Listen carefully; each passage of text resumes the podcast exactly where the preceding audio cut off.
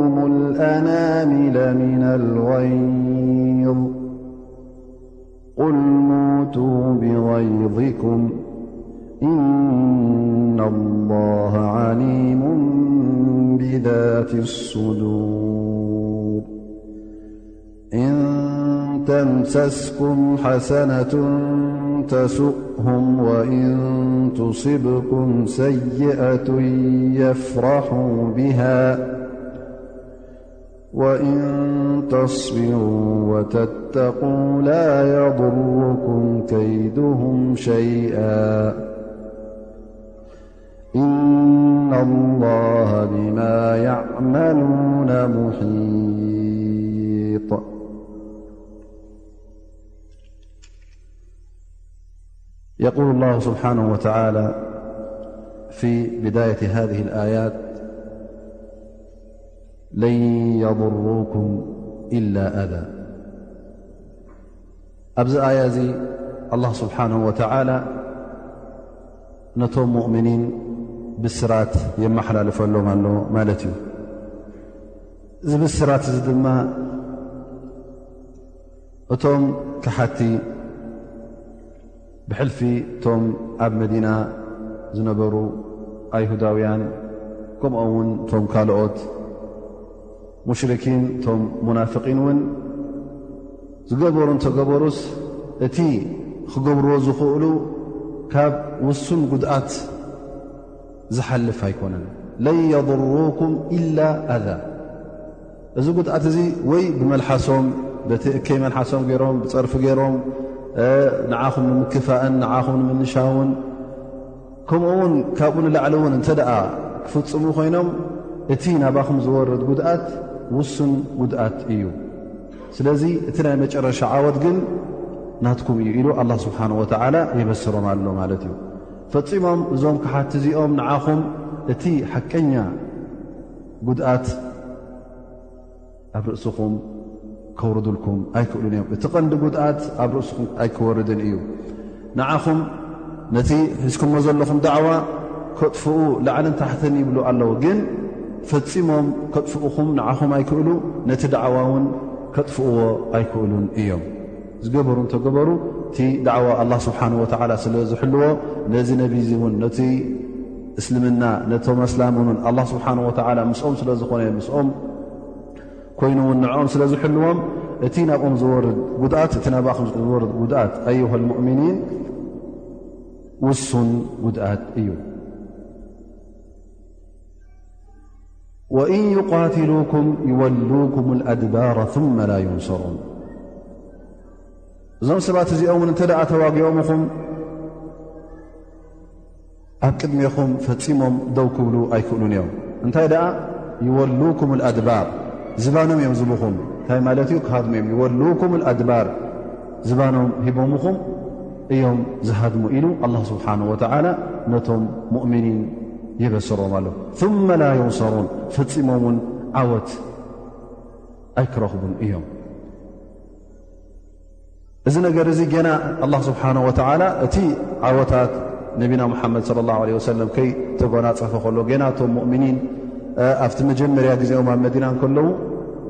እዚ ነገር እዚ ኢልዎም ማለት እዩ ብድሕሪ እዚ ደራሪና እቲ ዓወታት ተገበረ ኣብ غዝወት ኸይበር ይኹን እቶም ኣብ መዲና ዝነበሩ ወይ ከዓ ወሰናስን መዲና ዝነበሩ በኒ ቁረይዛ በኒ ቆይንቋዕ በኒ ነዲር ዝበሃሉ ኣይሁዳውያን ኩሎም እቶም ኣስላም ካብቲ ዝነበርዎ ዕርድን ካብቲ ዝነበርዎ ሃብትን ካብቲ ዝነበርዎ ሃገርን ከም ዝሰጎግዎም ነቶም ኣይሁዳውያን ከም ተዓወትሎም እውን ታሪክ ዘፅንሖ እዩ ስለዚ እቲ ኣላ ስብሓን ወተላ ዘመሓላለፎ ብስራት ብግብሪ እውን ተራእዩ ማለት እዩ ኣስላም ውን እቲ እስልምና እውን ብድሕሪ እቲ ታሪኽ እቲ እናስፋሕፍሐ ጥራይ ንመዲና ኣይኮነ ጥራይ ንመካ እውን ኣይኮነ ንሙሉእ ጀዚራ ሃገራት ዓራብ ንኩሉ ሒዙ ካብኡ እውን ኣስፋሕፊሑ ነቲ ኣይሁዳውያን ይኹኑ ክርስትያን ይኹኑ ካልእ ሃይማኖታት ሒዘንኦ ዝነበራ መሬት እውን ተዓዊቱ ነቲ ኩሉ መሬት ኣብ ትሕቲ ቁፅፅሩ ክኢሉ ማለት እዩ ስለዚ እቲ ዓወት ኩሉ ግዜ ምስቶም ኣህልልኢማን ከም ምዃኑ ኣላ ስብሓን ወተዓላ በዚ ኣያ እዚ የበስር ማለት እዩ ብሕልፊ ጥብዓን ብሕልፊ እዚ ጉዳይ እዚ እውን ንመን እዩ ዘርኢ ነይሩ ነቶም ኣህልል ክታብ ነቶም ኣይሁዳውያን ኣብ ኣበይ ነበሩ ኣብ መዲና ዝነበሩ ምክንያቱ እቲ ዝሓለፈ ኣያታት እውን ጠቕሶ ነበርና ብሕልፊ ንመን እዩ ዝጠቅስ ነይሩ ነቶም ኣህልል ክታብ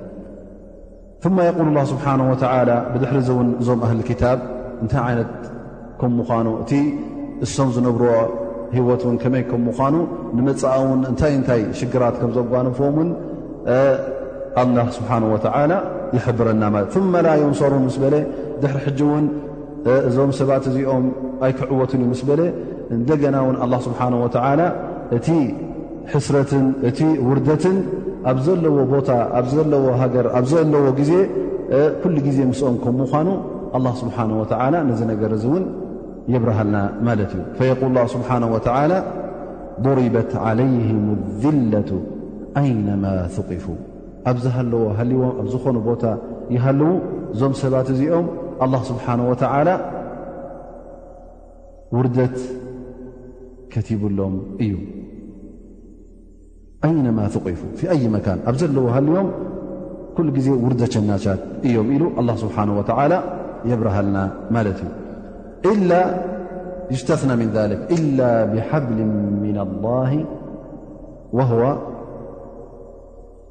ዓህድ ምና ላህ ስብሓን ወተዓላ እንተ ደኣ ኣብ ትሕቲ ዝማናህኩም ብዓህዲ ላ ስብሓን ወተዓላ እንተ ደኣ ብውዕል ብስምምዕ ምሳኹም እንተ ደኣ ክነብሩ ኮይኖም በዚ ስምምዕ እዚ ተኣ ነቢሮም ኣብዚ ኩነት እዚ ወይ ከዓ ኣብዚ ኩነታት እዚ ብሰላም ክነብሩ ይኽእሉ ግን እዞም ሰባት እዚኦም እንተ ደኣ ብሰላም ክነብሩ ምሳኹም ውዕል ዘይኣትዮም ኮይኖም ኩሉ ግዜ ኩነታቶም ውርደት እዩ ኢሉ ኣላ ስብሓን ወተላ ይሕብረ ኢላ ብሓብሊ ምና ላ ወሓብሊ ምና ናስ ብሓብሊ ምና ላ ስብሓ ወላ ማለት ብዓህዲ ምና ላ ስብሓ ወላ ውዕል ብድመት ላ ስብሓ ወላ እቲ እስላማይ እውን ምስኦም ውዕል ገብር እንከሎ እቲ ውዕል ክቦም እንከሎ ምኽንያቱ እዚ ውዕል እዚ ኣብ ቅድሚ ኣላ ስብሓን ወተዓላ ክሕተተሉ ስለ ዝኾነ እቲ ከም ኣህሊ ዚማ ኮይኖም ኣብ ትሕቲኡ ክነብሩ እንተ ኮይኖም በቲ ኣላ ስብሓን ወተዓላ ዝወሰኖ ቃል ገይሩ በቲ ኣላ ስብሓን ወተዓላ ዝሓገጎ ሕጊ ገይሩ ብኡ ቀጢሉ ክኸይዳ ኣለዎ ድኣ እምበር እቲ ውዕል ክቦም ከሎ ንኽጸቕጦምን ንኽውፅዖምን ንኽዕምፆምን ኢሉ ክሓስብ የብሉን ምኽንያቱ እቲ ዝቦም ዘሎ ውዕል ብቃል ኣላ ስብሓን ወተዓላ ዝኣትዎ ስለ ዘሎ እሱ እውን እቲ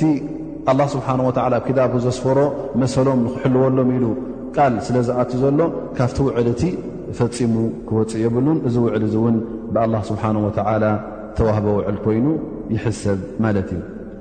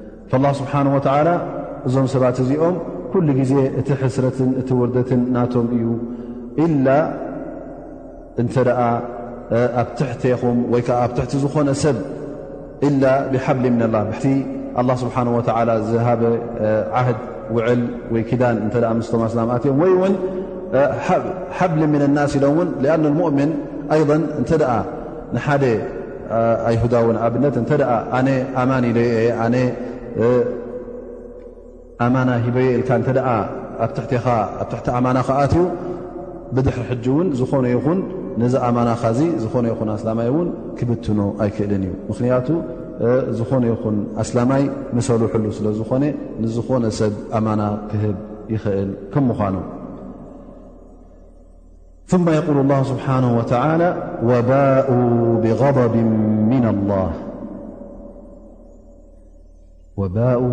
ብغضብ ምና ላ ባኡ ማዕናሃ ረጀዑ ማለት እቲ ትርፎም ማለት እዩ እቲ ኩሉ ሒዞሞ ትርፍናቶም ድሕርዚ ኩሉ ጉዕዞ ድሕርዚ ኩሉ ክታብ ምውራድ ድሕርዚ ኩሉ ኣላ ስብሓን ወተዓላ ልኡኻት ምልኣኹ እዞም ሰባት እዚኦም ትትርፎም ኩሉ ግዜ እንታይ ኮይኑ ማለት እዩ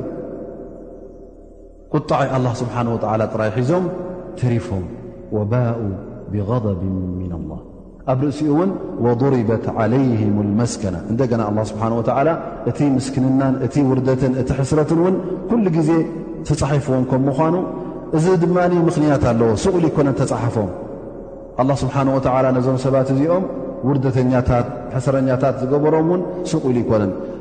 ታሪክ ኣይሁዳውያን እውን ኩሉ እንተደኣ ክንሪኦ ኮይንና ካብ ቀደም ካብ ግዜ ባቢሊን ጀሚሮም ምስ ተበታተኑ ክሳዕ ሎሚ ኣብ ትሕቲ ሃገራት ሰብ ውርደተኛታትን ሕሱራትን ኮይኖም ደኣ እምበር ሃገር እውን ኣይነበሮምን እዚ ቅድሚ ሓ ዓመት ኣብ ፈለስጢን ኮይኖም ነዛ መሬት ፈለስጢን ሒዞማ ሕጂ ሃገር ክገብሩ ክኢሎም እዚ እውን ሃገር ክኽብሮም ዝኸኣለ እውን እቲ ኣስላማይ እውን ናይ ብሓቂ ኢማን ተሳኢኑ እምበር ብብዝሒ ካባና ካብ ኣስላም ኣይበዝሑ እንታይ ካብ ኣስላም ካብቶም ዓረብ ጥቕኦም ዘለዉን ኣይበዝሑን እዮም ምናልባሽ እቶም ፍልስጥማውያን ንገዛእ ርእሶም እሶም ዝበዝሑ ይኾኑ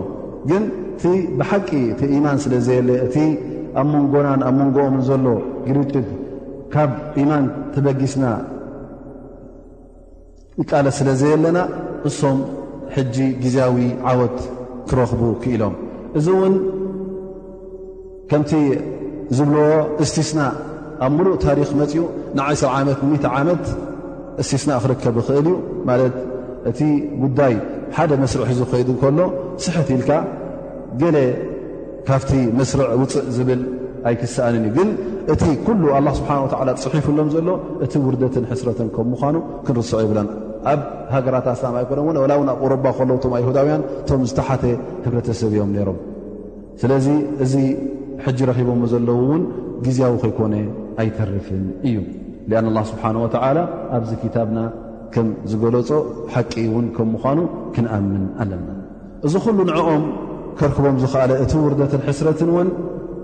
ቀያሕቲ ኮይኖም ኣይኮኑ ጸለምቲ ኮይኖም ኣይኮኑ ደቂ ፍላን ደቂ ያቆብ ኮይኖም ኣይኮኑ ደቂ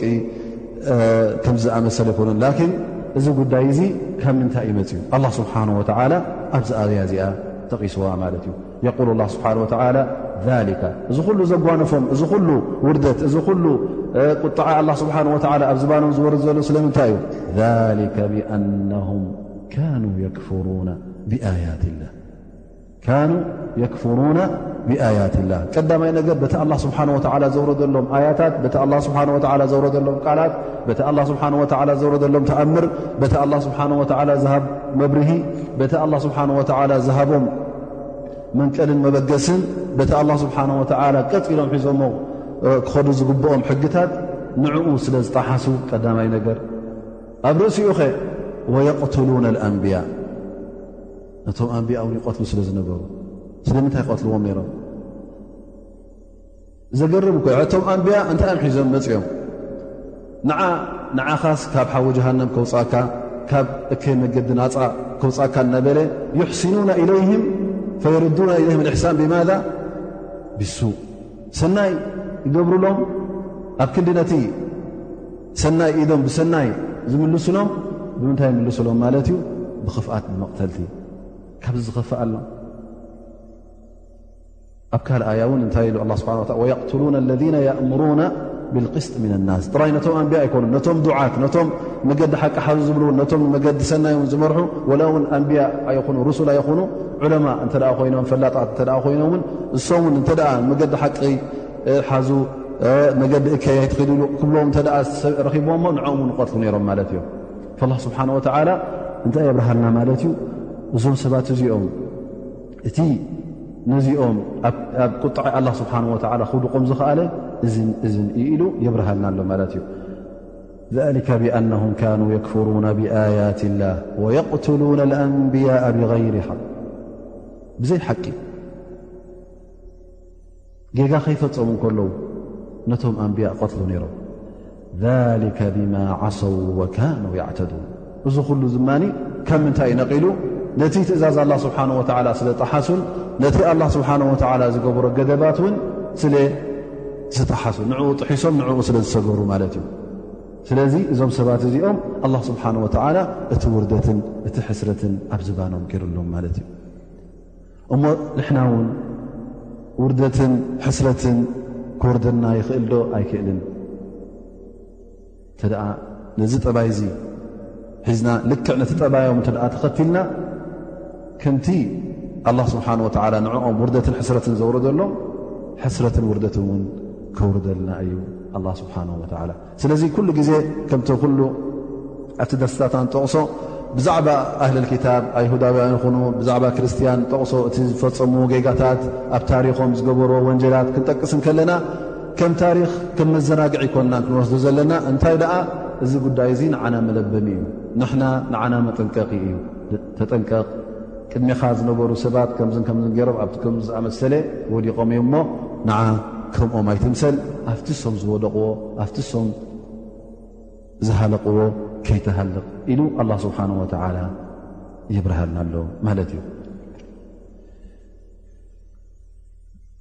ብድሕሪ እዚ ኣላ ስብሓን ወተዓላ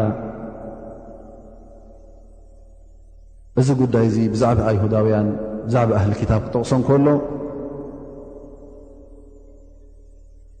ፍትሓዊ ስለ ዝኾነ ኣላ ስብሓን ወተዓላ ንኹሎም ውን ብሓደ ዓይኒ ክንሪኦም ከም ዘይብልና የብርሃልና ኣሎ ማለት እዩ ለይሱ ሰዋእ እዚ ክበሃል እንከሎ ተጠንቀቑ ኩሎም ውን ሓደ ኣይኮኑን ኣለዉ ካብቶም ኣህሊ ክታብ ፍልይ ዝበሉ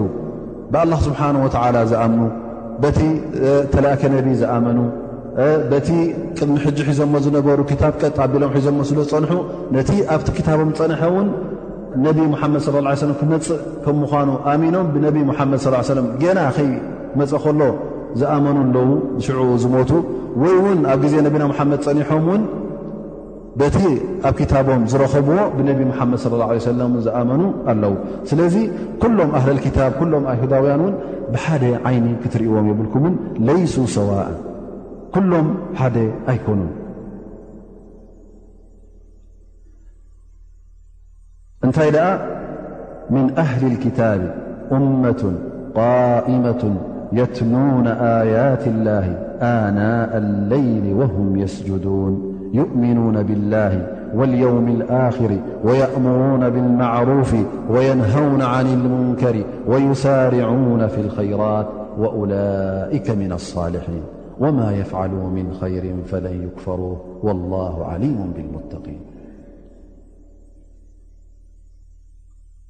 እዚ እውን ኩሉ ግዜ ኣስላማይ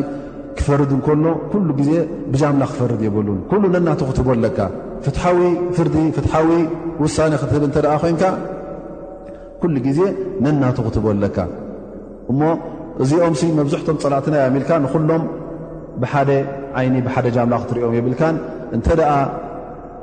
ጸላእትኻ ብሓቂ ኮይኖም ኩሎም ጸላእትኻ ክኾኑ ኣለዎም እተ ፍተውትኻ እዮም ትሎም ኮይኖም ኩሎም ፈተውትኻ እዮም እተ ካብቲኦም ፍተውቲ ኣለውኻ ካብኦም ጸላእቲ ኣለውኻ ነናቶም ክትቦም ኣለካ ማለት እዩ ስለዚ ኣላ ስብሓን ወተዓላ እውን ምእንቲ ከይንጋገ ኩሎም ሓደ ኣይኮኑን ካብቶም ኣይሁዳውያን እውን መገዲ ሓቂ ዝፈልጡ ኣለዉ ናብ እስልምና እውን ዝኣተዉ ኣለዉ እዛ ኣያ እዚኣ ይብሉ ዑለማ ነዘለት ፊ መን ኣመነ ምን ኣሕባር ኣህሊ ልክታብ ከዓብድላህ እብኒ ሰላም ወኣሰድ እብኒ ዑበይድ ወታዕለባ ብዙሓት ኣለዉ ስለዚ ኩሎም ሓደ ኣይኮኑን ካብኦም እውን ዝኣመነ ኣሎ ካብኦ ውን ዘይኣመነ ኣሎ ዝኸሓደ ኣሎ ላ ስብሓን ወተላ የሲፎም ካብኦም ውን እቲ ኢማን ናቶም ውን ቀሊል ኢማን ኣይኮነን እቶም ኣህልል ክታብ ኮይኖም ዝፀንሑ ኣብ እስልምና ክኣትዉ ከለዉ ውን ዝሓየለ ኢማንን ዝሓየለ እስልምናን ሒዞም ከም ዝኸዱ የብርሃልናሎ ማለት እዩ ል ምን ኣህሊ ልክታብ እመት ቃኢማ ኣይ ሙጢዓ ቃኢመት ብኣምር ላ ነቲ ኣምር ላ ስብሓ ወላ ትእዛዝ ላ ስብሓ ወላ ቀጥ ኣቢላ ዝሓዘት ኣላ ነቲ ኣላ ስብሓን ወላ ዘውረዶ ሸርዒ እውን ቀጥ ኣቢላ ብነቢ ሙሓመድ ለ ላ ለ ወሰለም ትኣምን ምኽንያቱ በቲ ክታቦም በቲ ሓቂ ክታቦም ኣሚኖም ፀኒሖም እቲ ኣብ ክታቦም ፀንሐ ብስራትን ብሓቂ ኣሚኖም ብድሕሪኡ ነቢ ሙሓመድ ስ ሰለም ምስ መፀ እውን ዝኣመኑ ኣለዉ ስለዚ ኩሎም ኣንጻር ዳዕዋ እስልምና ደው ኢሎም ነይሮም ክንብል ኣይንኽእልን ኢና እንታይ ደኣ ካብኦም ውን ናብ እስልምና ዝኣተዉ ከም ዝነበረ ግን ከምቲ ኣላ ስብሓን ወተላ ዝበሎ ኣክተርም ፋሰቂ እቶም ዝኣመኑ ውሕዳት እዮም ነይሮም እቶም ዝኸሓዱ እዮም መብዝሕቶም ነይሮም ላኪን ኣላ ስብሓን ወተላ እዚ እውን እንከሎ ኩሎም ሓደ ይኮኑን ለይሱ ሰዋእን ኢሉ እውን የብርሃልና ኣሎ ማለት እዩ ንዕኡ ክገልጾም እንከሎ ሕጂ የትሉነ እመት ቃኢማ የትሉነ ኣያት ላህ ኣይ የቅረኡና ቁርን ኣና ኣለይ ሙሉእ ለይቲ ኣብቲ እዋናት ለይቲ እውን ሙሉእ ለይቲ ቁርን ክቐርኡ እዚ ድማ ብዛዕባ ሰላት ሌል ማለት እዩ ኣና ኣለይሊ ወሁም የስጁዱን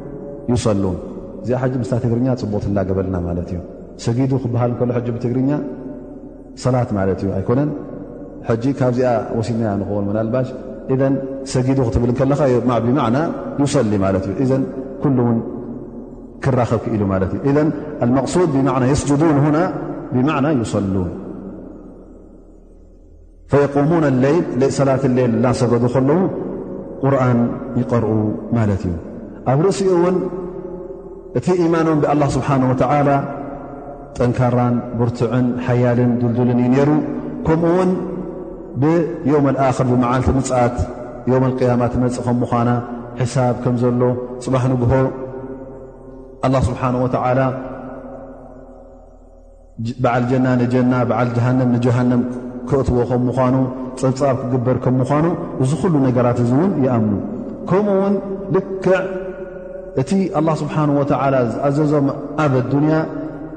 ኣቒሞም የእምሩና ብልማዕሩፍ ወየንሃውና ዓን ሙንከር እቲ ቀደም ዝነበረ ጠባያት ነቶም ኣህሊ ክታብ ዝበሃል ዝነበረ እቲ ኣምር ብልማዕሩፍ ወናሃ ዓን ሙንከር ኣብኡ ዓብ ጌጋ ፈፂሞም ዝነበሩ ግን ሕጂ ኣብቲ ዲን እስልምና ክኣትው ከለዉ ኣምር ብልማዕሩፍ ወናሃይ ዓን ሙንከር ገብሩ ትረኽቦም ጥራይ እዚ እውን ኣይኮነን ወዩሳርዑና ፊ ልከይራት ነቲ ሰናይ ነገር ንምግባር እውን ይቀዳደምውንን ይቀላጠፍሉን ስለዚ እዞም ሰባት እዚኦም እንታይ እዮም ብ ኣላ ስብሓን ወተዓላ ወኡላይከ ምና ኣሳልሒን እዚኦም ኣላ ስብሓን ወተዓላ ካብቶም ብፁኣን ካብቶም ሳልሒን ካብቶም ኣህለልጀና ገይርዎም እዩ ፈላ ስብሓን ወተዓላ እዚ ነገር እዚ እውን ኣብዚ ኣያ ጥራይ ኣይኮነን ጠቒስዎ ኣብ መጨረሻ ኣህል ዕምራ እውን ክንርኢና ኣላ ስብሓን ወተዓላ እንታይ ይብል ልክዕ ከምዚ ኣያ እዚኣ ትመሳላ ወእነ ምን ኣህሊ ክታብ ለመን ዩእምኑ ብላሂ ወማ እንዝላ ኢለይኩም ወማ እንዝላ ኢለይህም ኻሽዒና ልላህ ኣብ መጨረሻ ኣል ዕምራን ልከ ቕምታ ኣክር ኣያ ገለ እዚ ኣያ ኣላ ፈዩበይን ላ ስብሓ ላ ኣብዚ ኣያ ጥራይ ኣይኮና ብዙሕ ኣያታት ኣላ ስብሓን ወተዓላ እቶም ኣህል ክታብ እውን ገሊኦም በቲ ናብኦም ዝወረደ ክታብ እተኣሚኖም እንደገና እውን በቲ ክታብ ቁርን ከም ዝኣመኑ እዞም ሰባት እዚኦም እውን ኣብቲ ሓዲ እንተ ርእና ከምቲ ነቢና ሓመድ ስ ሰለም ዘመሓላለፍዎ እዞም ሰባት እዚኦምን ድርብ ኣጅሪ ከም ዘለዎም በቲ ሓደ ወገን በቲ ቅድም ዝፀንሐ መፅሓፍ ኣሚኖም እንደገና በቲ ናብ ነቢና ኣ ስብሓ ወላ ዝወረደ መፅሓፍ ምእማኖም ብክታብ ተውራትን እንጅልን ኣሚኖም ድሕራይ ብቁርን ብፍርቃን ስለ ዝኣመኑ ድርብ ኢማን ስለ ዘለዎም ኣላ ስብሓ ወላ እውን ይእተውና ኣጅሮም መረተይን ክገብሮም ከም ምኳኑ ተገሊፁልና እዩ ስለዚ እዞም ሰባት እዚኦም ኣላ ስብሓን ወተዓላ ካብቶም ሳልሒን ካብቶም ብፁዓን ካብቶም ኣህል ጀና ገይርዎም ኣብ ርእሲኡ ወማ የፍዓሉ ምን ኸይርን ፈለይ ይክፈሩ ዝኾነ ይኹን ሰናይ ነገር ዝገብርዎ ዝነበሩ ወላ እውን ቅድሚቲ እስልምና ዝገብርዎ ዝነበሩ ክሕሰበሎም ማለት እዩ ምኽንያቱ እቲ ዝገብርዎ ዝነበሩ ክታብ ሒዞም ብመልእኽቲ ስለ ዝኾኑ እዞም ሰባት እዚኦም ኩሉ ሰናይ ዝገበርዎ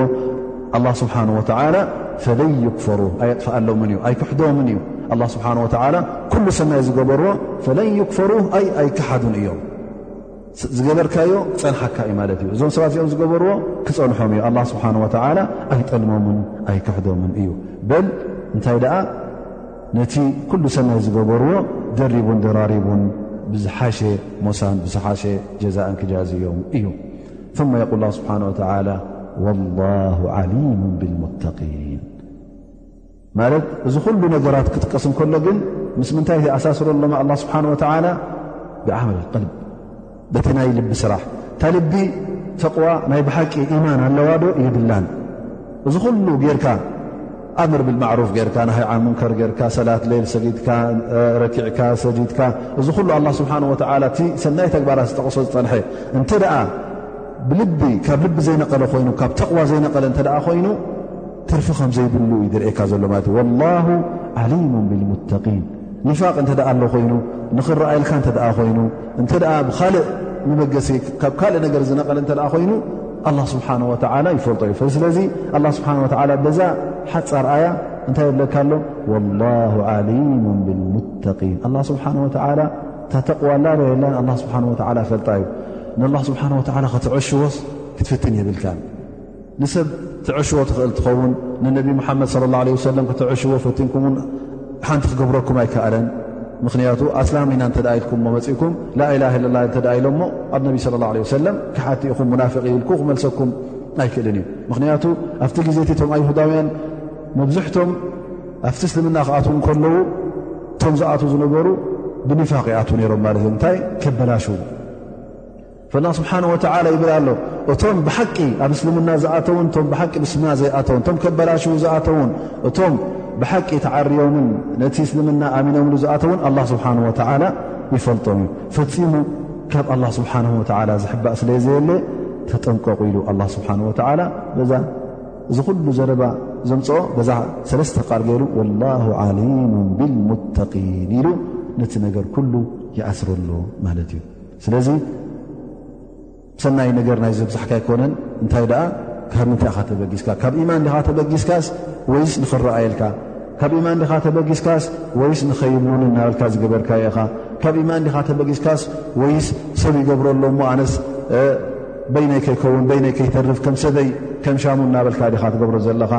እዚ ስለ ዝኾነ ኣላ ስብሓን ወተዓላ እታ ኣብ ልብኻ ዘላ ይፈልጣ እዩ ስለዚ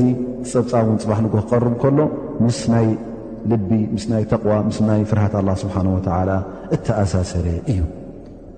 ማ የذክሩ ላ ስብሓን ወተላ ባዕደ ሊክ እቲ ዝኸሓደኸ እቲ መገዲ ሓቂ ምቕባል ዝኣበየኸ መን ከናግፎ ይኽእል? ካብቲ ስቓይ ኣላ ስብሓን ወተዓላ መን እዩ ዝሕልዎ? ፈፂሙ ሰብ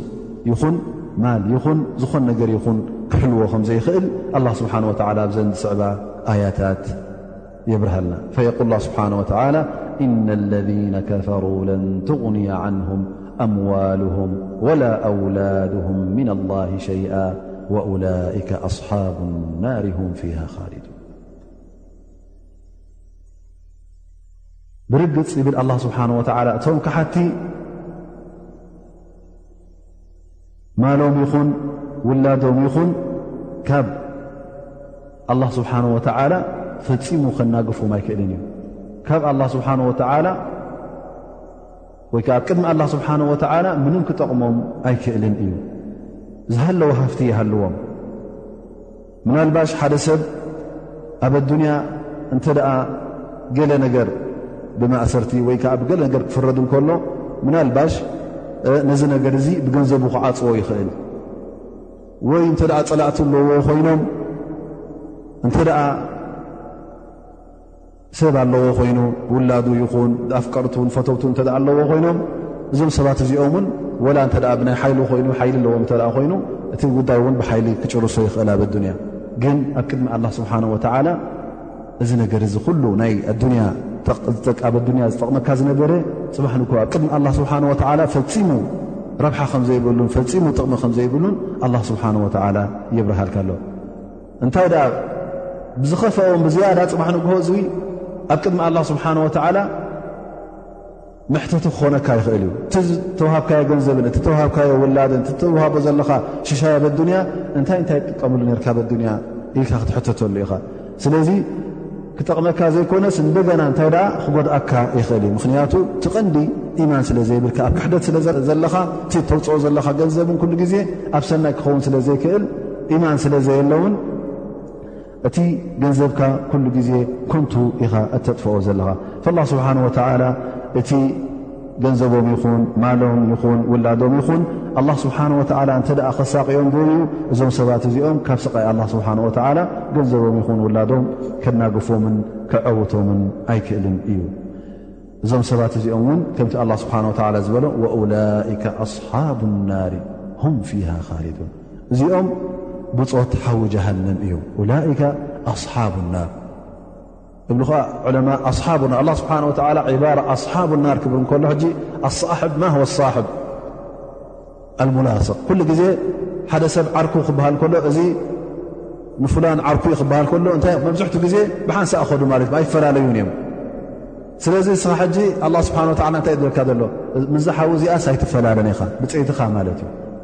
ብጾይትኻ እንተ ደኣ ኮይንካ መቃርን መቓርንትኻ ማለት እዩ ፈጺምካ ኣይትፈላን ስብሓን ወተዓላ እዛ ነገር እዚኣ በዚ ገይሩ ይስእለሎም ኣሎ ማለት እዩ ብዝያደ ነቲ ዓረብ ዝፈለጥ ሕጂ ኡላይከ ኣስሓብ ናር ክብሎም ከሎ ኸላስ ፈጺሞም እዛ ሓዊ እዚኣ ብጾይቶምን መዋዕልቶምን መተሓድርቶምን ከም ምዃና ይርድኡ ማለት እዩ ሁም ፊሃ ኻሊዱን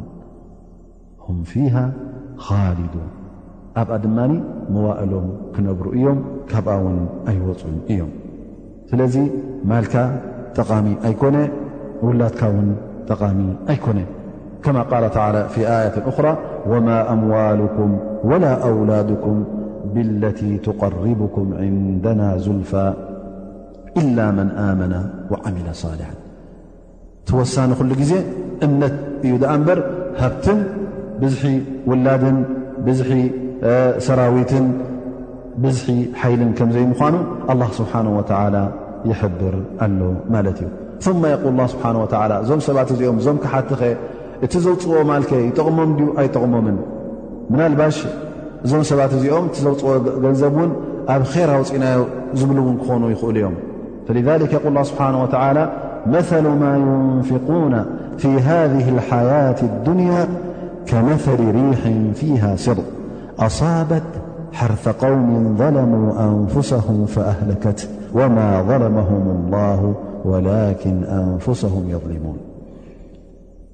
ኣላ ስብሓን ወተዓላ እቲ ተግባሮም ኩሉ ከም ስእሊ ገይሩ የቕርበልና ኣሎ ማለት እዩ እዚ ስእሊ እዚ ከመይ እዩ እቲ ዘውፅዎ ገንዘብ ልክዕ ከመይ ገይሩ የርእየና ኣሎ ከም ሓደ ዘራእቲ እዚ ዘራእቲ እዚ ምስ በቆለ ምስ ፍረ ኣብ ግዜ ፍረያቱ ኣብ ግዜ እቶቱ ምስ በፅሐ ንክዕፀድ ምስ ተቐራረበ ኣብዚ ሰዓት እዚ እንተ ደኣ ኣብ ሰዓት እዚ መቸም ህርፋን ኣሎ እቲ ኩሉ ገንዘብካ ውን ኣውፅእካየ ኢኻ ሕጂ ገለ እውን ተለቂሕካ ትኸውን ኢኻ ሕጂ ኩሉ ትፅቢት ካበ እዩ ዘሎ ኣብዚ ትረኽቦ ሕጂ ፍርያት ማለት እዩ ኣብዚ ሰዓት እዚ እንተ ደኣ ብርቱዕ ንፋስ ኣስሓይታ ዝሓዘ በረድ ዝሓዘ ቁሪ ዝሓዘ እንተ ረኪብዎ እንታይ ይኸውን ኩሉ ይሓርር ማለት እዩ ኣላ ስብሓን ወተዓላ እቲ ዝገብርዎ ዘለዉ ሰናይ ተግባር ኣብ ዮም ቅያማ ልክዕ ከምዚ ዘራእቲ እዙ ኣብ ኣዱንያ ዘርኡ ኣለዉ መስሎም ኣሎ እዚ ዘርእዎ ዘለዉ እቲ ፍርያት ፅባሕ ንግሆ ኣብ ዮም ቅያማ ሃዊጉን ሓሪሩን ክፀንሕ እዩ ማለት እዩ ልክዕ ከምቲ ማሕረስ ኣብቲ መጨረሻ ፍርያቱ ብርቱዕ ንፋስ ብርቱዕ ኣስሓይታ ብርቱዕ ቁሪ ዛሕሊ ወዲቕዎ ብክቱር ዛሕሊ ዝሓርር ልክዕ እቲ ዝኣከብዎ ሰናይ ጌርናዮ ዝብልዎ ዝነበሩ ዘውፅዎ ዝነበሩ ገንዘብ ር ኢሎም ዝሓስብዎ ዝነበሩ ኣላ ስብሓን ወተዓላ ከምዚ ገይሩ ክሕርሮን ከጥፍኦን ክህብጎን ምዃኑ የብርሃሎም ኣሎ ማለት እዩ ምኽንያቱ እቲ ቐንዲ ኢማን ስለ ዘየለ እቲ ቐንዲ ሸርጢ እቲ ባይታ ስለ ዘየለ እቲ ዝተፍስሶ ዝነበርካ ኣብ ዘይከውን ባይታ ተፍስሶ ስለ ዝነበርካ ዮሃቡ ግን ይሓርንን ማለት እዩ ذ ላ ስብሓን ወተላ እዚ ሕጂ ከም ምስላ ገይሩ ኣቕሪብዎ ማለት እዩ እቲ ክሓቲ ዘውፅዎ ገንዘብ ኣብዛ ኣዱንያ እዚኣ ሰዋእን እዚ ገንዘብ እዚ ዕለማ ይብሉ መን እዩ ኢሎም መቸም ብዙሕ ተዛሪቦምሉ ማለት እዮም ቃል ባዕض ዕለማ ማ ዩንፍق ኣልኩፋሩ ዓመተን ህያ ነፈቃት ጀሚዕ ኩፋር ዝኾነ ይኹን ካሓዲ ዘውፅኦ ሰደቃት ኢሉ ሊላ ኢሉ ኢሉ ዘውፅኦ ኣሰን ኢማን የለን ላኪን እቲ ቐንዲ እስልምና ስለ ዘየለ ዝኾነ ይኹን ካሓዲ ዘውፅኦ እዚ እዩ ኢሎም ባዕዶ ዕለማ ድማ ኢሎም ሃ እቲ ሙራኢ ዘውፅኦ ገንዘብ እዩ ሙራኢ ሰብ ክርኤለይ ዝብል ኢልካ ተውፅኦ ገንዘብ እውን ልክዕ ከምዚ የጓንፎ ማለት እዩ ወቂል እቲ ኣብ ግዜ ነቢና ሓመድ صለ ላ ለ ሰለም ኣብ ኩናት በድርን ኣብ ናት ውሕድን ተረክበ እሞቶም ክሓቲ ዘውፅኦ ዝነበሩ ገንዘብ ነቲ እስልምና ንምዕጋትን ነቲ እስልምና መጥፋእ ኢሎም ዘውፅዎ ዝነበሩ ኣብ ኣዱንያ ፈሽሉ ኣብ ዮም ቅያማ ውን ፅባሕ ንግሆ ንር ኢሎም ዝሓስብዎ ዝነበሩ እሶም ሕጂ ንዲና እቶም ኣርሃናህና ክፈትውልና ኢሎም ዝገብርዎ ዝነበሩ ፅባሕ ንግሆ እዚ ሕጂ ሃጒጉ ክጸንሖም እዩ፣ ክጠቕሞም እውን ኣይኮነን፣ እንታይ ደኣ ብዝያዳ ኣብቲ ሓዊ ጀሃነም ከእትዎም ከም ምዃኑ ይሕብር። ገለ ዑለማእ ድማ ላ እዚ ማ ዩንፊቁሃ ልየሁድ ዓላ ዑለማእህም እቶም ኣይሁዳውያን ነቶም ዑለማእ ናቶም ነቶም ሊቃውንቲ ናቶም ንዕኦም ዝብዎም ዝነበሩ ገንዘብ እዚ እዩ ይብሉ። እቲ ኮይኑ እቲ ኮይኑ ግን ኩሉ ግዜ ኣበይ ዘብፅእ ዘሎ ማለት እዩ ኩሎም ክሕደት ክጥርንፎም ይኽእል ማለት እዞም ኩሎም ሕጂ ስለዚ ዝኾነ ይኹን ክሓዲ ዘውፅኦ ገንዘብ ነቲ እስልምና ንምጥፋእ ይኹን ኣንፃር እስልምና ንክቃለሰሉ ይኹን ወይ እውን ኣነ ሰናይ ግብሪ ይገብር ኣለኹ ኢሉ ዝሓስቦ ዘሎ ፅባሕ ንግ ኣብ ቅድሚ ኣላ ስብሓን ወተዓላ ኩሉ ክበንን ከም ምዃኑ ኣላ ስብሓን ወተዓላ የብርሃልና ማለት እዩ ስለዚ እቲ ሰናይ ተግባራት ኢሎም ዝሓስቦ ዝነበሩ ኣጅሪ ክንረኽበሉ ኢና ዝብልዎ ዝነበሩ ኣብ ዮም ኣልቅያማ ኣብቲ ሰዓት ኣድላይ ዝኾነሉ ሰዓት እዋን እቲ ዝገብርዎ ዝነበሩ ሰናይ ዝሓስብዎ ዝነበሩ ኣብ ቅድሚኦም በይኑ ክረኽብዎ ከለዉ ዓብ ሕስረትን ዓብዪ ውርደትን ክስምዖም እዩ እዚ ድማ እዚ ተግባር ድማ ኣላ ስብሓን ወተዓላ ዓሚጽዎም ማለት ኣይኮነን ኣላ ስብሓን ወተዓላ ወፅዕዎም ውን ኣይኮነን እንታይ ደኣ ባዕሎም ብነፍሶም እዮም ነታ ነፍሶም ወፅዖም ኣላ ስብሓን ወተዓላ ብዱንያ ከለዉ በቲ ዝለኣኾ ነቢይ ገይሩ በቲ ዝለኣኾ ክታብ ገይሩ ኣበይ ከም ምዃኑ እቲ መገዲ ሓቂ በየን ከም ምዃኑ እቲ መገዲ ጌጋ እታ ንጀና ተእቱ መገዲ በየን ከም ምዃና እታ ንሓንወ ጀሃንም ትወስድ መገዲ ኸ በየን ምዃና እዚ ኩሉ ነገራት ኣብርህሎም እዩ ብዙሕ ተኣምራት ኣውሪዱ እዩ ብዙሕ መብርህታት ኣውሪዱ እዩ ካብዚ ሓሊፉ ድኣ እንታይ ክገብር እሶም ግን ባዕሎም ብነፍሶም ነቲ ኣላ ስብሓን ወተዓላ ዘውረደሎም ተኣምር ነቲ ኣላ ስብሓን ወተዓላ ዘውረደሎም ቃላት ነቲ ኣላ ስብሓን ወተዓላ ዘውረደሎም ሓበሬታታት ንኹሉ ጥሒሶም ባዕሎም በቲ ዓቕሎም ዝበሎም በቲ ዊንታኦም ክኸዱ ጸኒሖም እዚ ዩ ትሓቂ እዚ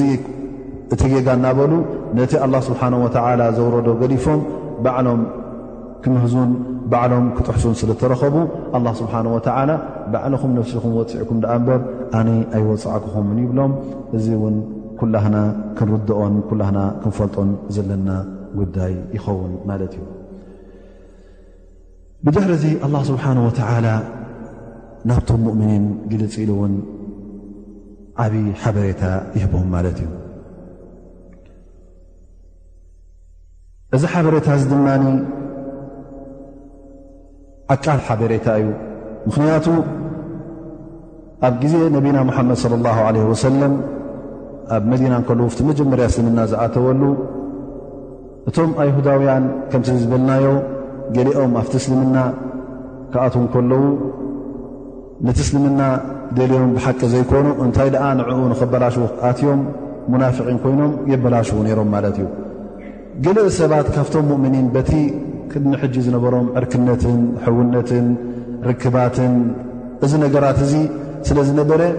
እቲ ምስኦም ዝነበረ ዕርክነት ኣይቋረፅዎን እቲ ምስኦም ዝነበረ ሕውነት እውን ከየቋረፅዎ ይቕፅሉ ነይሮም ማለት እዩ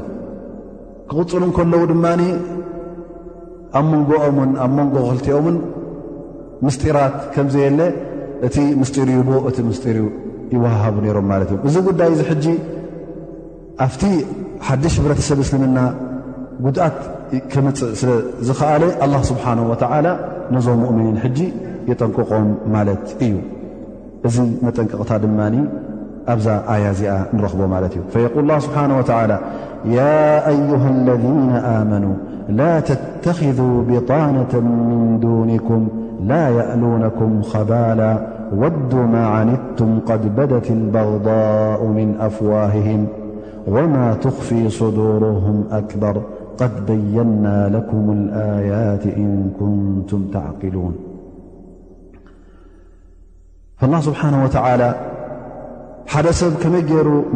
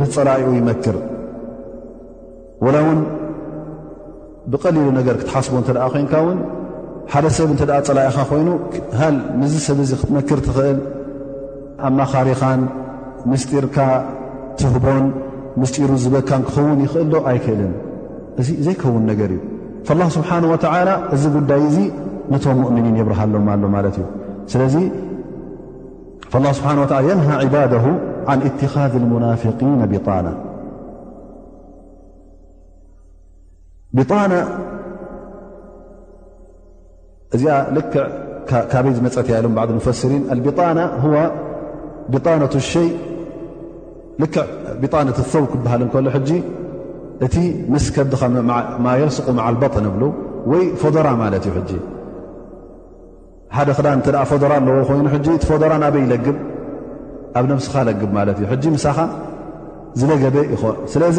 ነቶም ፀላእትኻስ ልክዕ ምሳኻይ ሕጂ ትፈደራ ድሕር ምሳኻ ለጊቡ ኩሉ እንትናኻ ፈልጥ ማለት እዩ ስለዚ ከመይ ጌርካስ ነዚ ፀላኢኻ እዚ ኣብ ነብስኻ ተልግቦ ነዚ ጎዳኢኻ ከመይ ጌርካ ኣብ ቅርበትካ ተልግቦ ማለት እዩ እንተ እታ ፈደራ እሾኹ እንተ ኣለዋ ታክዳን ክትክደና ትኽእል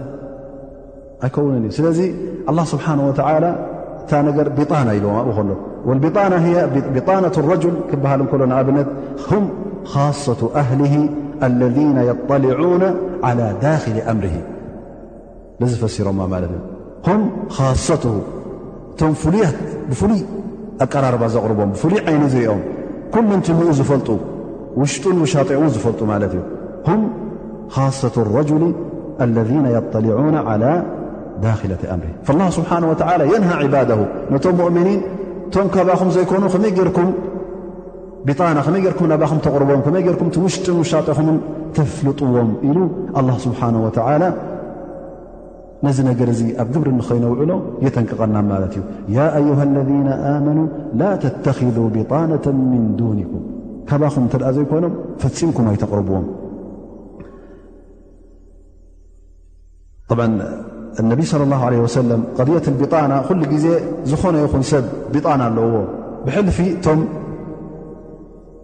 ዓበይቲ ክኾኑ ከለዉ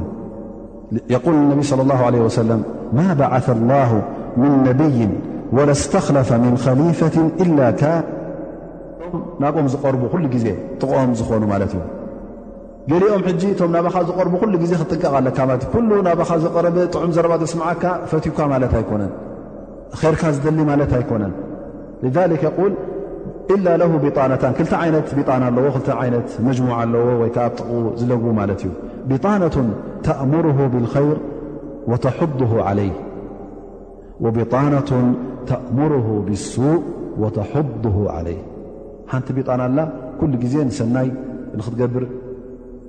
ትደፋፍኣካ ትርእካ ካልኦት ድማ ኣለዉ ኩሉ ግዜ ናብ እከይ ጥራይ ዝደፍኡኻ ወልማዕሱሙ መን ዓሰመ ላ ኣላ ስብሓን ወላ ካብዚ ነገር ተ ዘይዓሲሙካ ካብዚ ነገር ተ ዘይሓልውካ እውን ክትወድቕ ትኽእል ኢኻ ማለት እዩ ምክንያቱ እቶም ጥቓኻ ዘለዉን ኩሎም ልቦም ክትፈልጦም ኣይትኽእልን ኢኻ ስለዚ ኩሉ ግዜ ክትጥንቀቕ ኣለካ ማለት እዩ እስኻ ሓደ ሰብ ክዛረብካ ከሎ ገፁን መልሓስን ኢኻ ትርኢ ምናልባሽ በዚ ብገፁን መልሓሱን ክኸድዓካ ይኽእል እዩ ግን ኣላ ስብሓን ወተዓላ እቶም ክሓቲ እውን ኩሉ ግዜ ክኸድዑኻ ከምዘይክእሉ ኣብዛ ኣያ እዚኣ ከብርሃልና እዩ ኣላ ስብሓን ወተዓላ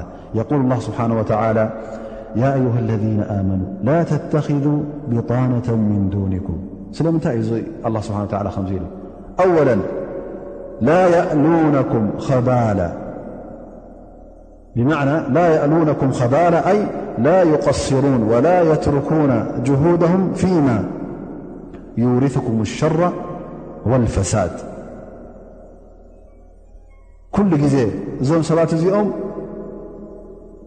እቲ ለይትን መዓልትን ዝህቅንሉን ደይ መደይ ኢሎም ዝሰርሕሉን ንዓኹም እከይ ንኽረኽበኩም ንዓኹም ንኽበላሽውን እንተዘይኮይኑ ካልእ ስራሕ የብሎምን ላ የእሉነኩም ኸባላ ከባል ወልፈሳድ ወሸር ንዓኹም ከበላሽውን ንዓኹም እከይኩም እንተዘይኮይኑ ንኻልእ ዘይህቁኑን ንኻልእ ዘይብገሱን እዚ እዩ ትሰርሖም ማለት እዩ ወዱ ማዓኒቱም ትምኒቶም ኩሉ ግዜ ፍቶቶም እንታይ እዩ እቲ ንዓኹም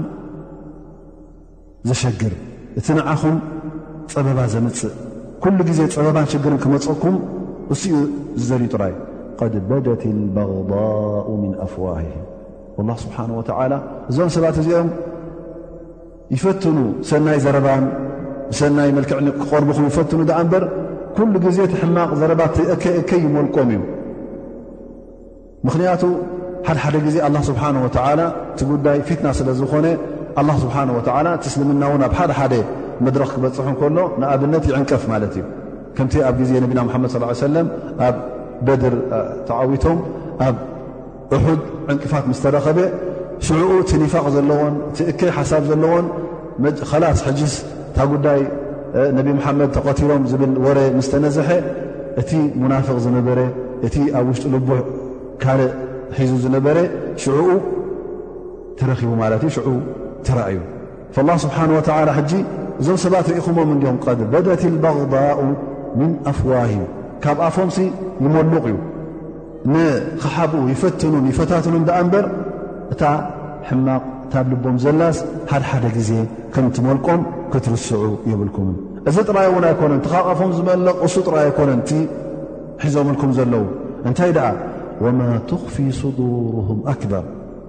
ትብልቦም ዘሎ ተትፈልጡ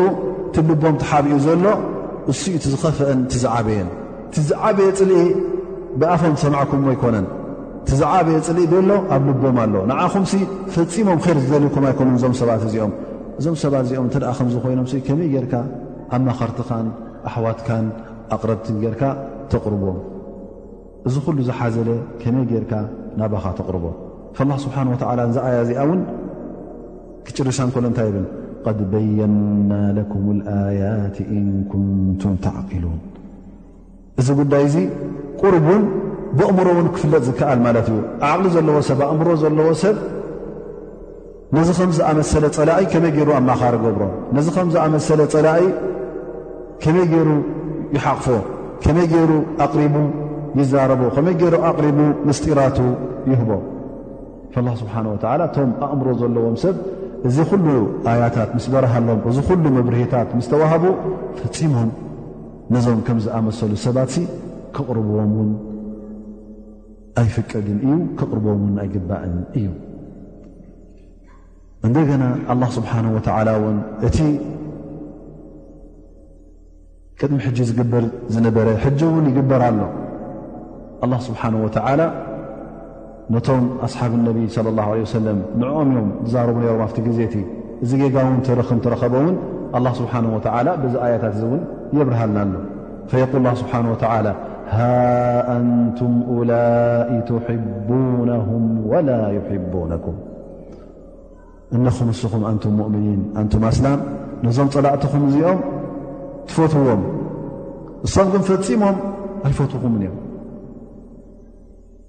ነዞም ሙናፍቒን ከመይ ጌርኩም ንስኹም ትፈትዎም እሶም ግን ፈጺሞም ንዓኹም ዘይፈትዉኹም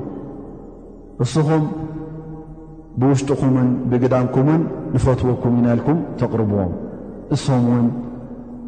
ክቐርቡኹም እንከለዉ ብኣፎም ንፈትወኩም ይበልኹም ደኣ እምበር ፈጺሞም ብልቦምሲ ኣይፈትዉኹምን እዮም ሃ ኣንቱም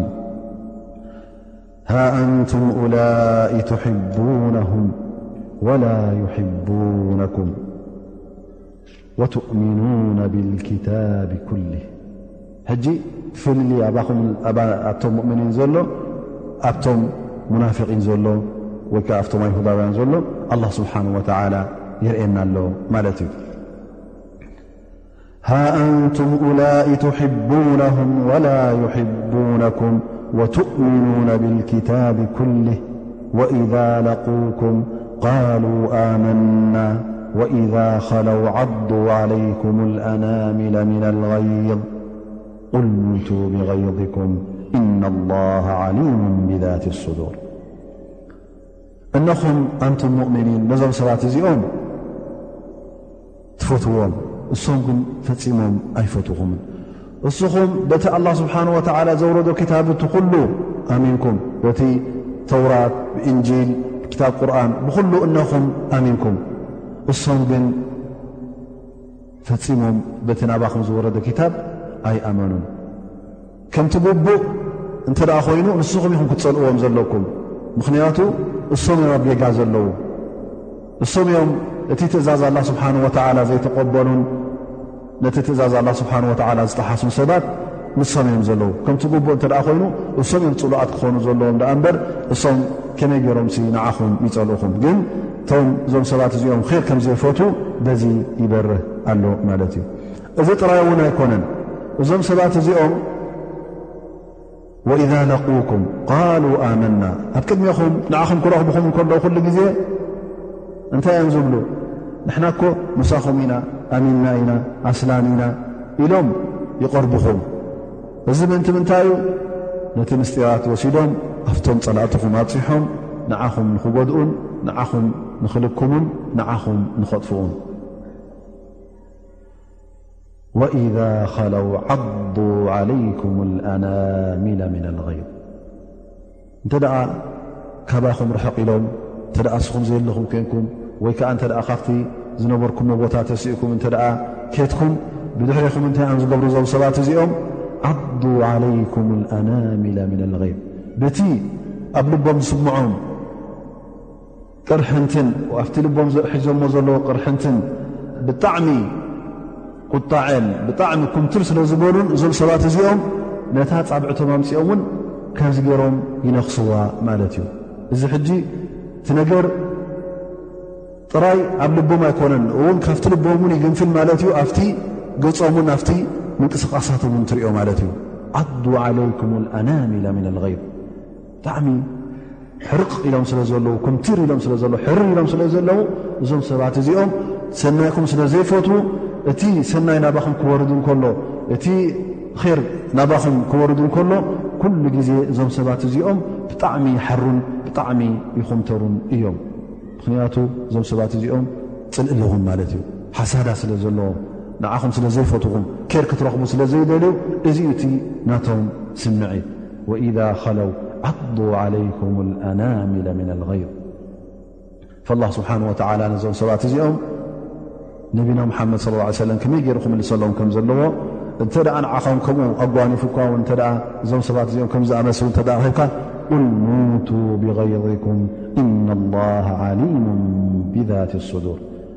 ማለት እንተ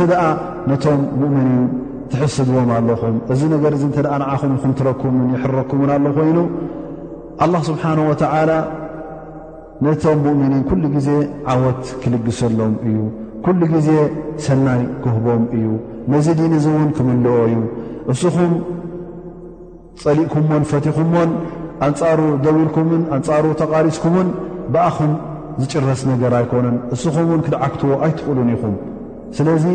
ቁል ሙቱ ብغይዚኩም ከምኡ ኢልኩም ክምትርኢልኩም ሕርርልኩም ሙቱ ክሳዕ ትሞቱ እውን ክሳዕ እታ መዓልትኩም ትኣክል እውን ሓሪርኩም ክትነብሩ ኢኹም ደኣ እምበር ትስልምና ፈፂሙ ኣይንካእን እዩ ፈፂሙ እውን ኣይሰዓርን እዩ ዓወቱ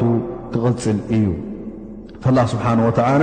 ሙዝሂሩን ዲነሁ እቲ ዲን እስልምና ኩሉ ግዜ ልእልነትን ክብርን ክረክብ እዩ እና ላሃ ዓሊሙ ብዛት ሱዱር ኣላ ስብሓን ወተዓላ እውን ኩሉ ኣብቲ ልብታትኩም ዘሎ እንታይ እንታይ ከም ዝሓባእኩም እቲ ኣብ ልብኹም ዘሎ ሓሳዳ ብ ልብኹም ዘሎ ፅልኢ ብ ልብኹም ዘሎ ቅርሕንቲ እቲ ኣብ ውሽጡኹም ዘሎ ኩሉ ነገራት እከያት ክፍኣት ዓቚርኩሞ ዘለኹም ኣብ ልብኹም ኣላ ስብሓን ወተዓላ ኩሉ ፈሊጥዎ ኣሎ ኩሉ እውን ኣፅኒዕዎ ኣሎ ፅባሕ ንግሆ ናይዚ ዕዳ እዚ ኣብ ዮም ቅያማ ክትከፍልዎ ኢኹም ኣብ ዮም ቅያማ ክትፍደይዎ ኢኹም ኢሉ ኣላ ስብሓን ወተላ ይህድዶም ኣሉ ማለት እዩ እና ላሃ ዓሊሙ ብዛት ሱዱር ኣብቲ ልቢ ዘሎ ኩሉ ነገራት ፀብፃብ በብሓደ ብቁፅሩን ብመዓልቱን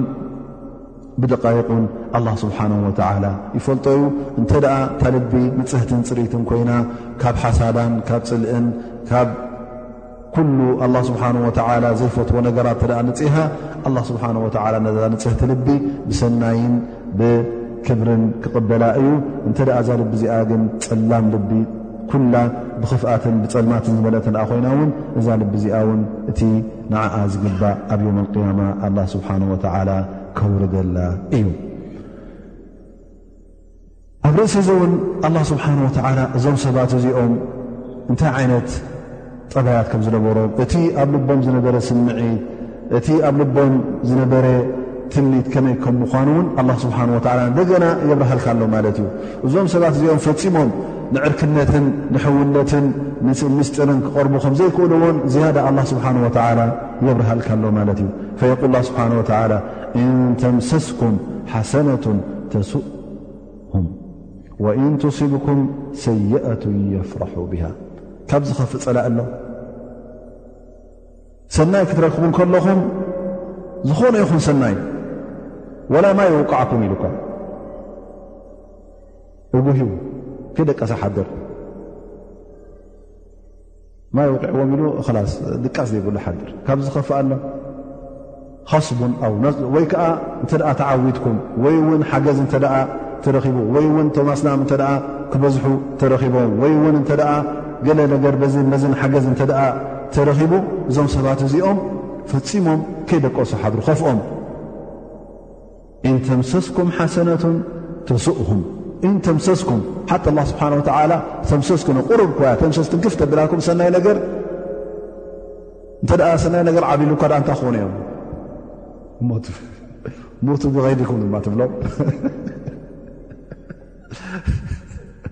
ብሓሰድ እዩ እቲ ሓደ ሰብ ስብሓ ላ ሓሳድ ኣሎ እዚ እውን ዝኾነ ይኹን ኣስላማይ ን ዝሓሳዳ ዚ ነገር እዚ እውን ኣብ ሓወካ ኣስላማይ ኮይኑ ዝኾነ ነገር ካብ ልብኻ ክተርሕቆ ኣለካ ማለት እዩ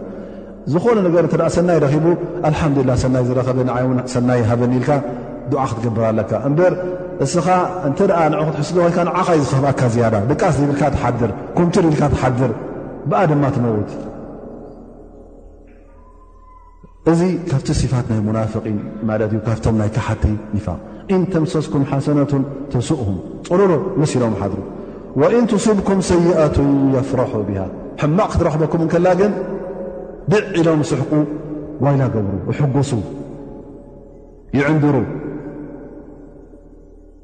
እንተ ጥሜት ተረኺቡ ደርቂ እተ ተረኺቡ ማይ እንተ ተሳኢኑ እንተ ፀላእቲ ስዒሮም ይኹን እንተ ገለ ሽግር ኣጓኒፉኩም እዞም ሰባት እዚኦም ክሕጎሱን ደስ ይብሎም እሞ ነዞም ሰባት እዚኦም ሲ ከመይ ጌርካ ተዓርክሎም ከመይ ጌርካ ኣሕዋት ናይኣኻ ትብሎም ከመይ ጌርካ ምስኦም ፍቕርን ምሕዝነትን ጌርካ መማኽርትኻ ትገብሮም ፈጺሙ ዘይከውን ነገር ከም ምዃኑ ኣላ ስብሓን ወተዓላ እዞም ከም ዝኾኑ ጠባይሲ ወላ እውን ብእምሮኻ ቁርብ ተሓሰብካዮ ክትቅበሎ ኣይትኽእልን ኢኻ ፈማ ባሉክ ኣላ ስብሓን ወተዓላ ነዚ ነገር እዚ ሓቂ ምዃኑ ጭብጢ ምዃኑ ኣላ ስብሓን ወተዓላ እናነገረካ እንከሎ እንተ ደኣ ከም ዝጓኒፉካ እሞ እንታይ ይገበር ኣላ ስብሓን ወተዓላ ምናልባሽ እተ ሓይሊ ኣለካ ኮይኑ ብሓይሊ እንተ ክትውግኖም ክኢልካ በቲ ኣላ ስብሓን ወላ ዝሃበካ ሓይሊ ሸሪዓዊ ሓይሊ ገርካ ትውግኖም ማለት እዩ ግን ሓደሓደ ግዜ እታ ማሕበረሰብ እስልምና እቲ ሓይሊ የብላ እንትኸውን ንኣብነት ነዚ ነገር እዚ ክትውግን እንታይ ትገብር የቁል ላ ስብሓን ወተላ ወእን ተስቢሩ ወተተቁ ላ የضርኩም ከይድም ሸይኣን እዘን ክልተ ነገር እንተ ሒዝኩም ፈፂሙ እቲ ዝገብርዎ ዘለዉ ወዲት ጉድኣኩም ኣይክእልን እዩ ወእን ተስቢሩ ቀዳማይ ነገር ተስቢሩ ትዕግስቲ እቲ ዝወርደካ ዘሎ ካብኦም ሽግር እቲ ዝወርደካ ዘሎ ውዲታት ነዚ ነገር እዚ እንተ ክትገጥሞ ኮንካ ነዚ ነገር እዚ እተ ክተፍሽሎን ክትብርዕኖን እተ ኮንካ ነዚ ከተበርዕ እተ ኮንካ እንታይ ዘድልየካ ሰብር ብትዕግስቲ እተ ተቋዊምካዮ እዚ ነገር እዚ ክፈሽል እዩ ኣብ ርእሲኡ ድማ ወይን ተስቢሩ ስብሪ እናገበርካ ከለኻ ተቕዋ ክትርስዕ የብልካ ንኣብነት ሓድሓደ ግዜ ምናልባሽ ተቕዋ ዘይብልካ ከለኻ እውን ሓደ ካፍር እንከሎውን ካሕድ እንከሎውን በዓል ስብሪ ክኸውን ይኽእል እዩ ስለዚ እዘን ክልትኤን ኣቃሪንካ ክትሕዝ ኣለካ እንሻ ላ ድሕሪ ኣዛን ንምልእ እዛ ኣያ እዚኣ ድሕሪ እውን ዕድል ንህብ ማለት እዩ እንሻ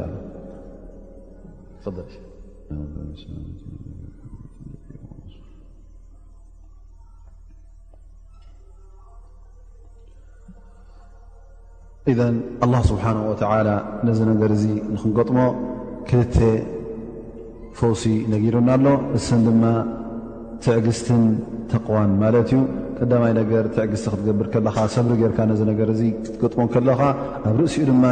ተቕዋ ናብ ኣላ ስብሓ ወላ ክልወካ ከሎ እተ ተቕዋ ኣለካ ኮይኑ ብኣላ ስብሓን ወተላ ተኣምን ኣላ ስብሓን ወተላ ዝበሎን ኣላ ስብሓን ወተዓላ ዝደልዮን ጥራይ እዩ ኣብዛ ዱንያ ክኸውን ዝኽእል ኢልካ ናብ ኣላ ስብሓን ወተዓላ ክትውከል እንከለኻ ብኣላ ስብሓን ወተዓላ ሙሉእ ኢማን ክህልወካ እንከሎ እዞም ሰባት እዚኦም እውን እንተ ደኣ ዝኾነ ይኹን ገይሮም እውን ካብቲ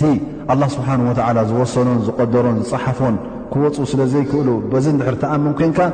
ፈፂሙ እቲ ዝገብርዎ ዘለዉ ውዲት እቲ ዝገብርዎ እቲ ዝኣልምዎ ዘለዉ ነገራት ኩሉ ክጎድኣካ ኣይክእልን እዩ ወላ እውን እንተጎዳኣካ ከምቲ መጀመርያ ዝበልናዮ ውስን ጉድኣት ዩ ደኣ እምበር ካብኡ ኣይሓልፍን እዩ ፈፂሞም ነዚ ኣላ ስብሓን ወተዓላ ዝመረፆ ዲን ነዚ ኣላ ስብሓን ወተዓላ ዝመረፆ መልእኽቲ ፈፂሞም ነዚ ከጥፍእዎ ኣይክእሉን እዮም ዩሪዱና ሊዩጥፍኡ ኑር ላ ብኣፍዋይህም ወላሁ ሙትሙ ኑር ወለው ከሪሀ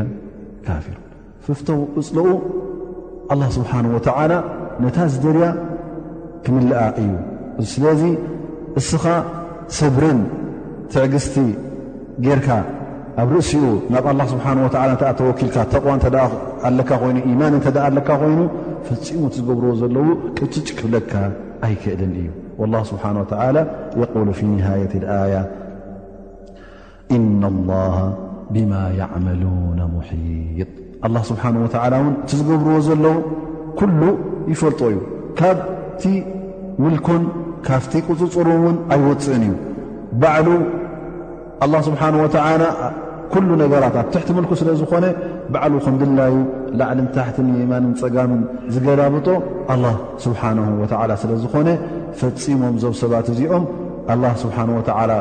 ዘየውረደልካ ከውርዱልካ ኣይክእሉን እዮም ኣላ ስብሓን ወተዓላ ዘይፀሓፈልካ ኣብ ርእሲኻ ከውርዱልካ ኣይክእሉን እዮም ፈላ ስብሓን ወተዓላ ኩሉ ነገራት ብናቱ ድልትን ብናቱ ትእዛዝን ብናቱ ሓላፍነትን እዩ ዝኸውን ኢሉ ኣላ ስብሓን ወተዓላ በዚ ነገር እዚ ይዓፅዎ ማለት እዩ ስለዚ እታ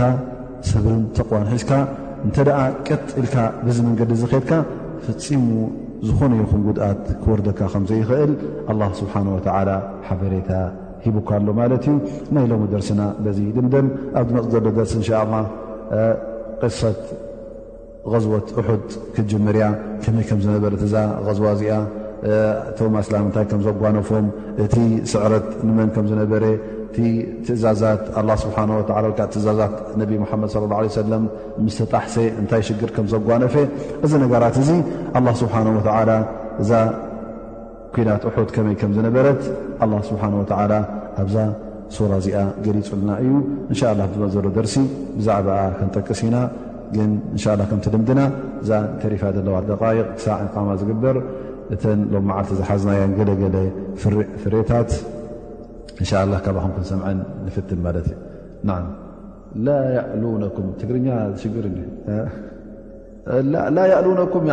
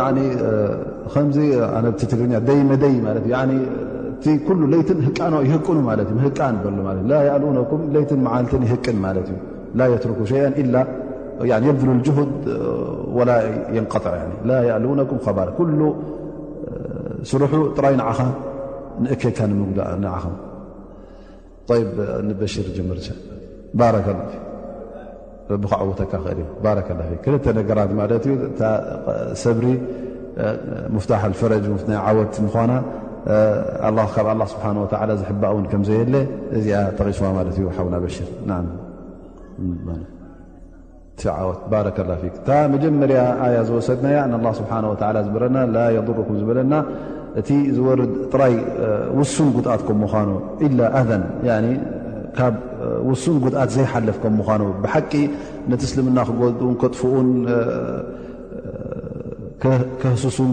ይድለዩ ደኣ እምበር ፈፂሞም ናብቲ ዝደልዎ ሽቶ ክበፅሑ ከምዘይክእሉን እቲ መጨረሻ ዓወት እውን ናይ ኣስላም ወይ ከዓ ናይ እስልምና ዓወት ከም ምኳኑ ኣላ ስብሓን ወተዓላ የብርሃልና ማለት እዩ ን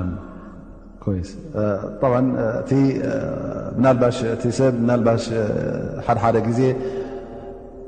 ኣለዉ ኢማን ዘይብሎም ሰባት ክሓት ከለዉ ገለ ግብረሰናይ ክገብሩ ትሪኦም ማለት እዩ እሞ እዞም ሰባት እዚኦም ዝኩሉ ገንዘብ ዝ ግብረሰናይ እናገበሩ ከለዉስ ከመይ ገይሩ ኣላ ስብሓን ወላ ነዞም ሰባት እዚኦም ዘይፀብፅበሎም ዘይሓስበሎም ኢሉ ናባሽ ሓደሓደ ስምዒት ክህልዎ ክእል ይብል ግን እቲ ጉዳይ ከምቲ ዝበልናዮ እቲ መበገሲ ቅኑዕ ስለ ዘየኮነ እቲ ኢማን ስለ ዘየለ ኣላ ስብሓን ወተዓላ ኣብ ፀብፃባያትዎ ግን እዚ ሰብ እዚ እንተ ከይሞቶ ከሎ እተ ምስልምና ኣትዩ እተ ቐኒዑ እቲ ሰናይ ዝገብሮ ዝነበረ እቲ ኩሉ ሰናያት እውን ኣላ ስብሓን ወተዓላ ክፅብፅበሉ ከም ምኳኑ እውን ሎ መዓልቲ እዚኣ ወሲድና ማለት እዩ ምክንያቱ እታ ኣያ እንታይያ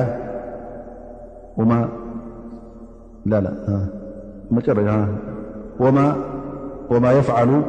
ምን ኸይር ዝኾነ ይኹን ሰናይ ፈለን ይክፈሩ ኣይከሓድን እዩ ማለት እዩ እተ ሰናይ ዝገበሮ ኮይኑ ግን እዚ ብድሕሪ መዓስ ክኸውን ኣለዎ ማለት እዩ እታ ኢማን ክትመፅእ ኣለዋ ማለት እዩ እተ እምነት ዘየላ ኮይና ኩሉ ግዜ እቲ ዝገበርካዮ ኩሉ ክበንን እዩ ከምቲ መተማ ዩንፊቁና ፊ ሃ ሓያት ኣዱንያ ዝኾኑ ወይቲኦም ክኸውን ወይ ከምቲኦም ክኸውን ማለት እዩ እተ እቲ ግብረሰናይ ኣሎ ኮይኑ እንተ ብኢማን ዘይተዛዘመ ተጨሪሱ ማለት እዩ ጠፍኡ ማለት እዩ እተ ኢማን ዝሓዘለ ኮይኑ ውን ኣብ ኢማን ተመርኮሰ እተ ኮይኑ ግን ኩሉ ግዜ ኣላ ስብሓን ወተላ ክክሕዶን ከብንኖን ከም ዘይኮነ ሓቢርና ማለት እዩ ባረከ ላ ፊክ ወላ ዓሊሙ ብሙተቒን ዝበለና ኣላ ስብሓን ወተላ ፈፂሙ ዝሕቦ የለን ቀልብካ ብ ልቦካ ዘሎ እንታይ ከም ምኳኑ ይፈልጦ እዩ ካብ ምንታይ ከም ተበገስካ ስለዚ ክጥንቀቕ ኣለካ ማለት እዩ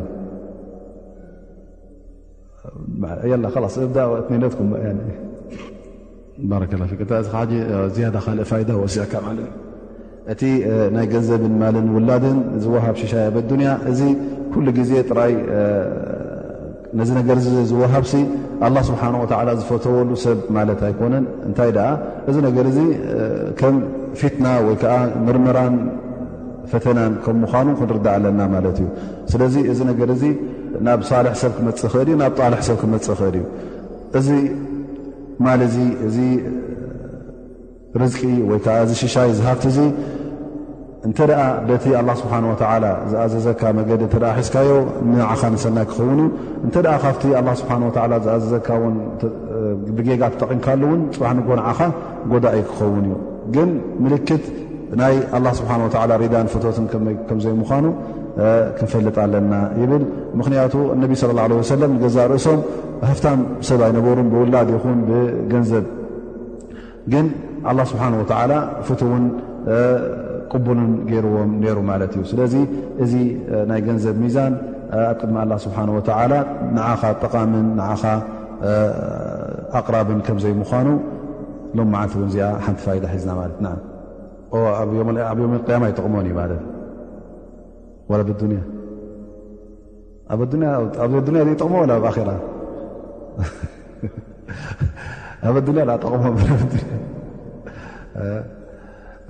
እወ ዝኾነ ይኹን ከሓዲ እቲ ገንዘብ ዘውፅኦ ማለት ኣብ ኣዱንያ ዘውፅኦ ንኸይር ኢሉ ዝሓሰቦ ዘውፅኦ ፅባሕ ንግሆ ኣብ ዮም ኣልቅያማ እዚ ነገር እዚ ፈፂሙ ኣይጠቕሞን እዩ ምናልባሽ ጠቕመኒ ኢሉ ገይርዎ ኹን ኣብ ኣዱንያ ዘውፅአ እንተውፅአ ኣብ ዮም ኣልቅያማ እዚ ሰብ እዚ እታ ኢማን ስለ ዘየላ ክሕደት ጥራይ ሒዙ ስለ ዝኸደ ከም ዘይጠቕሞ ሎም መዓልቲ እዚኣ ሒዝና ንብል በዚ ዘለዎ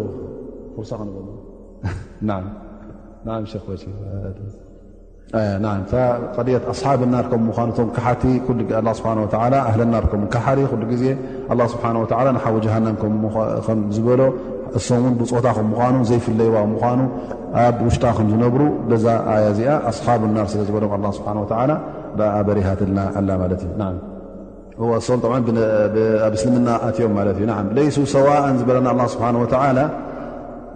እቶም ኣህል ክታብ ንገዛ ርእሶም ኩሎም ብእስልምና ክሒዶም ማለት ኣይኮኑን ግን ኣለዉ ካብኣቶም በቲ ዲኖም ቀጢሎም ክኸዱ ጸኒሖም እስልምና ምስ መፀ እውን ኣብ እስልምና ዝኣተዉ ትኽ ኢሎም እውን በቲ ኢማን ዝኸዱ እቶም ወይ እውን ቅድሚ ሕጂ እውን ቅድሚ ነቢና ሙሓመድ ለ ላ ለ ወሰለም እውን ቁኑዕ ኢማን ዝነበሮም ነቢ ሙሓመድ ለ ላ ለ ሰለም ክመፅእ ከም ምዃኑ እውን ዝኣምኑ ዝነበሩ በቲ ኢማኖም ዝሞት እውን እሶም እውን ኣብ ቅኑዕ ከም ዝነበሩ ኣብ ቅኑዕ መገዲ ከም ዝነበሩ በዚ ነገር እዚ በሪሁልና ኣሎ ስለዚ ኩሎም ቶም ኣህሊ ክታብ እውን ንሓዊ ጀሃንም ክኣትዉ ማለት ኣይኮነን ግን ብድሕሪ ነቢና ሓመድ ص ه ሰለም ምምፅኦ እንተ ብነቢና ሓመድ ص ሰለም ክሒዱ ወላ ውን ኣህሊ ክታብ እየ እንተበለ እዚ ሰብ እዚ እቲ ኢማኑ ኣይክጠቕሞን እዩ ማለት ቲ ብዒሳ ወይ ኮይኑ ወይከዓ ብሙሳ ዝኣምኖ ክጠቕሞ ኣይኮነን ኣላ ስብሓን ወተዓላ ነቶም ኣይሁዳውያን ብዝያዳ ኣህሊ ክታብ ውርደተኛታት ሕሱራት ዝገበሮም እውን እቲ ንዕኦም ኣብዚ መድረኽ እዚ ወይ ከዓ ኣብዚ ዓዘቕቲ እዚ ከውድቆም ዝኸኣለ ድማ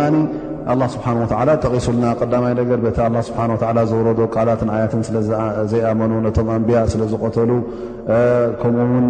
ብዙሕ ገበናት ስለ ዝፈፀሙ ኣላህ ስብሓን ወተዓላ በቲ ገበናቶም ጠንቂ ኮይኑ ነዞም ሰባት እዚኦም ውርደትን ሕስረትን ክምፅሓፈሎም ኣብ ኣዱንያ ብሕስረት ክነብሩ ኣብ ዮም ኣልቅያማ ድማ ብሓዊ ጀሃነብ ክሓስሩ ከም ምኑ ከም ምዃኖም ኣላ ስብሓን ወተዓላ በዘን ዝሓለፈ ኣያታት ጠቒሱልና ማለት እዩ